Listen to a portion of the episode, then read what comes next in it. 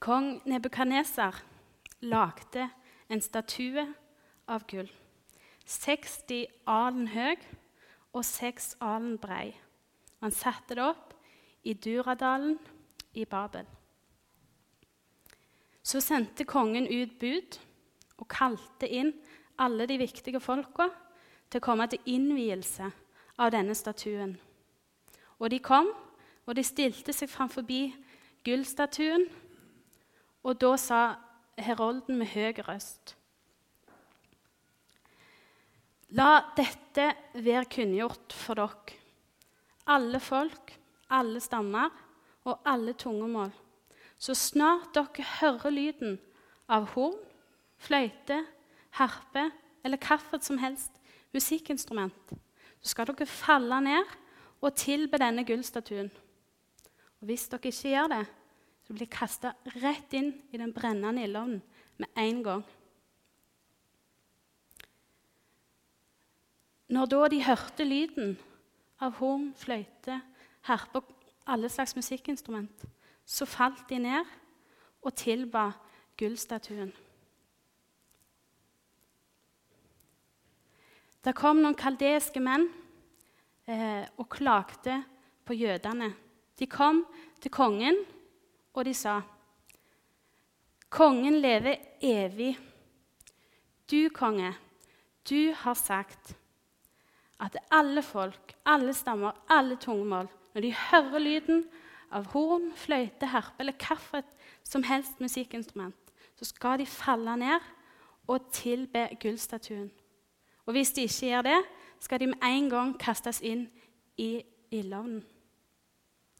Men du, konge, nå er det noen jødiske menn, noen som du har satt til styre i landskapet i Babel. De akter ikke på ditt bud, konge. De vil ikke dyrke dine guder. De vil ikke tilbe ditt gullstatue, din gullstatue. Kongen ble sint. Og han befalte at de skulle føre Sadrak og Mesak og Abednego framfor ham. Sadrak, Mesak og Abenego ble ført fram for kongen, og kongen sa, 'Er det med vilje?' Er det med vilje at dere ikke tilber min Gud og ikke tilber den gullstatuen som jeg har satt opp?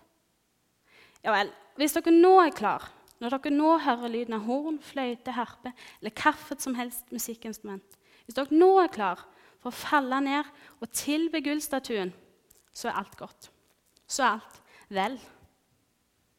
Men hvis dere ikke gjør det, skal dere bli kasta inn i den brennende ildovnen. Og hvem er det som kan frelse dere fra min hånd?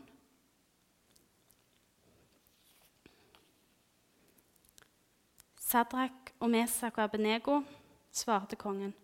Konge, vi trenger ikke svare deg noen ting. Vår Gud, han som vi tjener, han er mektig.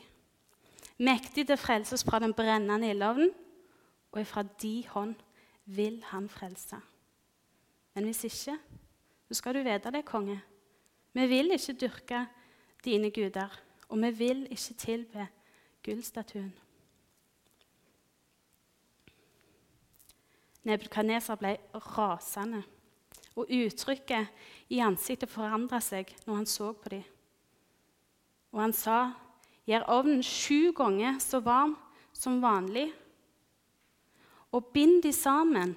Bind sammen klærne deres og kast de i ildovnen. De menn som førte Sadrak, Mesak og Abednego opp til ildovnen, de ble drept. For det kongens ord var så strengt. Flammen tok livet av dem. Og nå var Sadrak, Mesak og Abednego kasta ned i den brennende ildovnen. Kong Nebukadneser ble forferda. Han reiste seg fort opp. Du, kasta ikke vi tre menn bonde inn i den brennende ildovnen? Og rådsherrene sa jo, vi gjorde det, konge. Men, men kongen sa jeg ser fire menn gå fritt omkring, og det er ingen skade på dem. Og han fjerde Han fjerde ser ut som en gudesønn.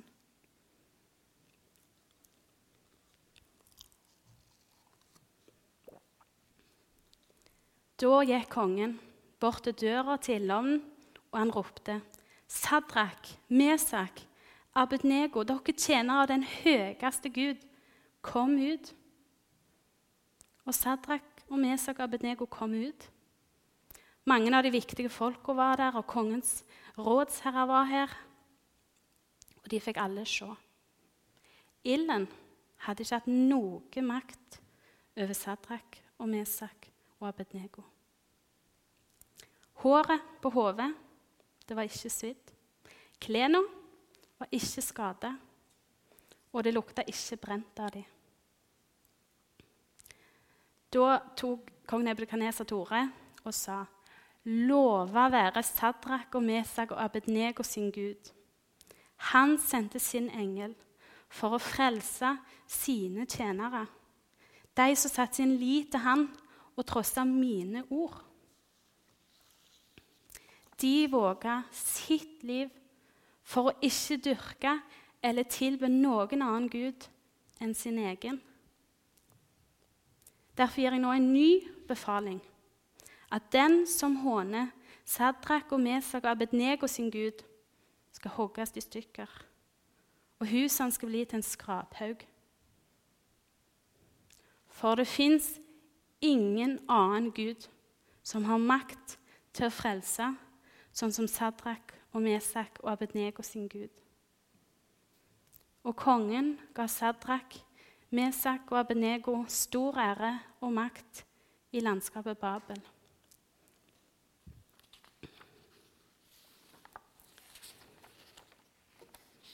Dette var historien om vennene til Daniel. Historien er henta fra Daniel 3. Eh, og jeg har satt ei overskrift eh, til slutt. Jeg kom litt seint, men eh, jeg har kalt det troens trygghet. Eh, det er ikke et begrep jeg har funnet på sjøl, dessverre, for jeg syns det er veldig godt. Men jeg måtte stoppe opp litt for det. Jeg leste det i ei andagsbok, den som jeg ga til Helene sist helg. Eh, og jeg har måttet gått og tenkt på det. Eh, troens trygghet. Tryggheten som meg og deg har i troen vår. Og det som jeg har tenkt på, det er når, når eh, Sadrak og Mesak og Abenego blir ført fram for kongen, og svarer han. Og de sier det er ikke deg, vi trenger ikke svare for deg. Vi trenger ikke si noen ting. Og det er sant, for det var Gud de hadde å svare for. Akkurat sånn er det for meg og deg òg. Det er Gud vi har å svare for. Det må vi huske. de sa videre at vår Gud er mektig. Han er mektig til å frelse oss, både fra den brennende ildovnen og fra kongens hånd. De visste at Gud var mektig. De visste at ingenting er umulig for Gud. Og så kommer det et 'men'. Og det er her det, er her det skjer. Her poenget er. For de sier, 'Men om han ikke frelser, om han ikke redder oss, så vil vi fremdeles tjene han, så er han fremdeles vår Gud.' Om Gud svarer nei, om Gud ikke redder oss nå, så er han fremdeles vår Gud. For at dere skal huske talen min i dag, så må dere huske dette. Eh, Gud kan. Gud kan. Og da kan vi den. Lykkes 1.37. Ingenting er umulig for Gud. Den andre er Gud svarer. Eh, og da har vi den andre. Be, så skal du få. Gud svarer. Vi kommer tilbake igjen til denne. Fra litt vann.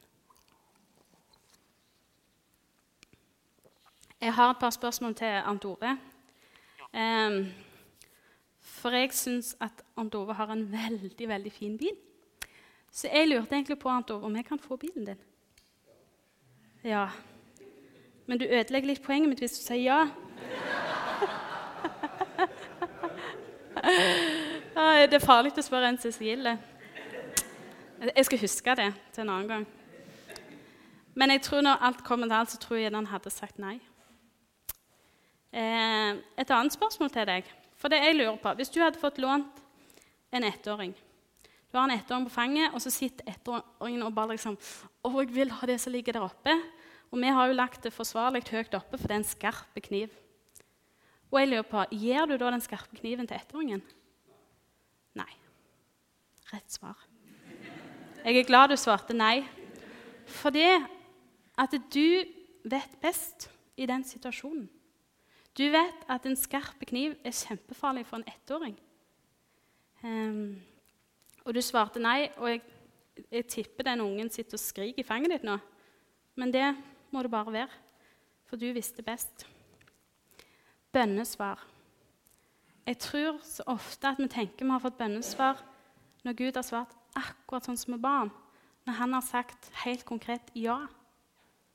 Men dere, kan ikke nei òg være et bønnesvar? Tilbake til Sadrak og Mesak og Abenego. Det ser ut til å gå ganske slag i slag ifra de blir sladra på til de blir ført fram for kongen, må svare for han, og så blir de, blir de bonde og kasta ned. Eh, så jeg tror ikke de hadde tid til å ha et bønnemøte. Jeg tror ikke de hadde tid til å sende en bønnemelding, en bønnemail. Og det hadde de jo kanskje ikke den tida, men dere forstår poenget. Eh, jeg vet ikke om de heller hadde tid til ei formulert bønn. Jeg tror det bare var et rop, et eh, åndedrag, et sukk. Bønnene tror jeg var noe som Hjelp meg, Gud. Frels oss. Vær oss nær. Disse tre, Sadrak og Mesak og Abednego, de hadde valgt å følge Gud. De hadde valgt å tjene Gud. Og jeg tror de hadde erfart at, Gud, at det var godt å følge Gud, for de hadde så tillit til han. De la seg sjøl i Guds allmektige hender. Og jeg tror de tenkte det som Paulus skriver til romerne, kapittel 14 vers 8. Lever vi, så lever vi for Herren. Dør vi, så dør vi for Herren. Enten vi da lever eller dør, så hører vi Herren til. Jeg håper meg og deg kan si det samme. Og du, hva er det Gud sier i Jeremia 29, 11? For jeg vet hva tanker jeg har med dere. Det er fredstanker, ikke tanker til ulykke. Jeg vil gi dere framtid og håp. Hva er det David sier i Salme 23? Herren er min hyrde. Jeg mangler ikke noe. Om jeg så går i dødsskyggens dal, så er jeg ikke redd for noe vondt. For du er med meg, din kjepp og din stav, de trøster meg. Tilbake til Gud svarer. For Gud svarer, men det er ikke alltid Gud svarer akkurat sånn som vi vil. Når det står i Bibelen 'be, så skal du få', så tenkte jeg først det er litt vanskelig, for jeg, jeg føler jo ikke sånn at jeg får alt det jeg ber om. Men jeg tror det handler om at ber, så skal du få svar. Han svarer. Og jeg er sikker på at det er mange her inne som sitter og kjenner på at Gud har ikke svart sånn som en ville. Og det kan både være vondt og vanskelig. Og jeg kjenner jeg vet ikke helt hva jeg skal si. Men for min del så tenker jeg litt sånn Hvis Vi tenker at alt her alt er et stort puslespill. Og det er 100 brikker. Og jeg ser så tydelig hvor alle brikkene skal være henne. Men Gud, Gud har et så uendelig mye større puslespill. Om jeg hadde brukt hele livet mitt på å samle brikker, prøve å sette dem på plass Jeg hadde aldri klart det. Men Gud ser hele puslespillet. Han ser alt. I 1. Korinterne 13,12 så står det Nå ser vi en speil i ei gåte, men da skal vi se ansikt til ansikt. Nå skjønner jeg stykkevis, men da skal jeg kjenne alt fullt ut, liksom jeg fullt ut er kjent av Gud.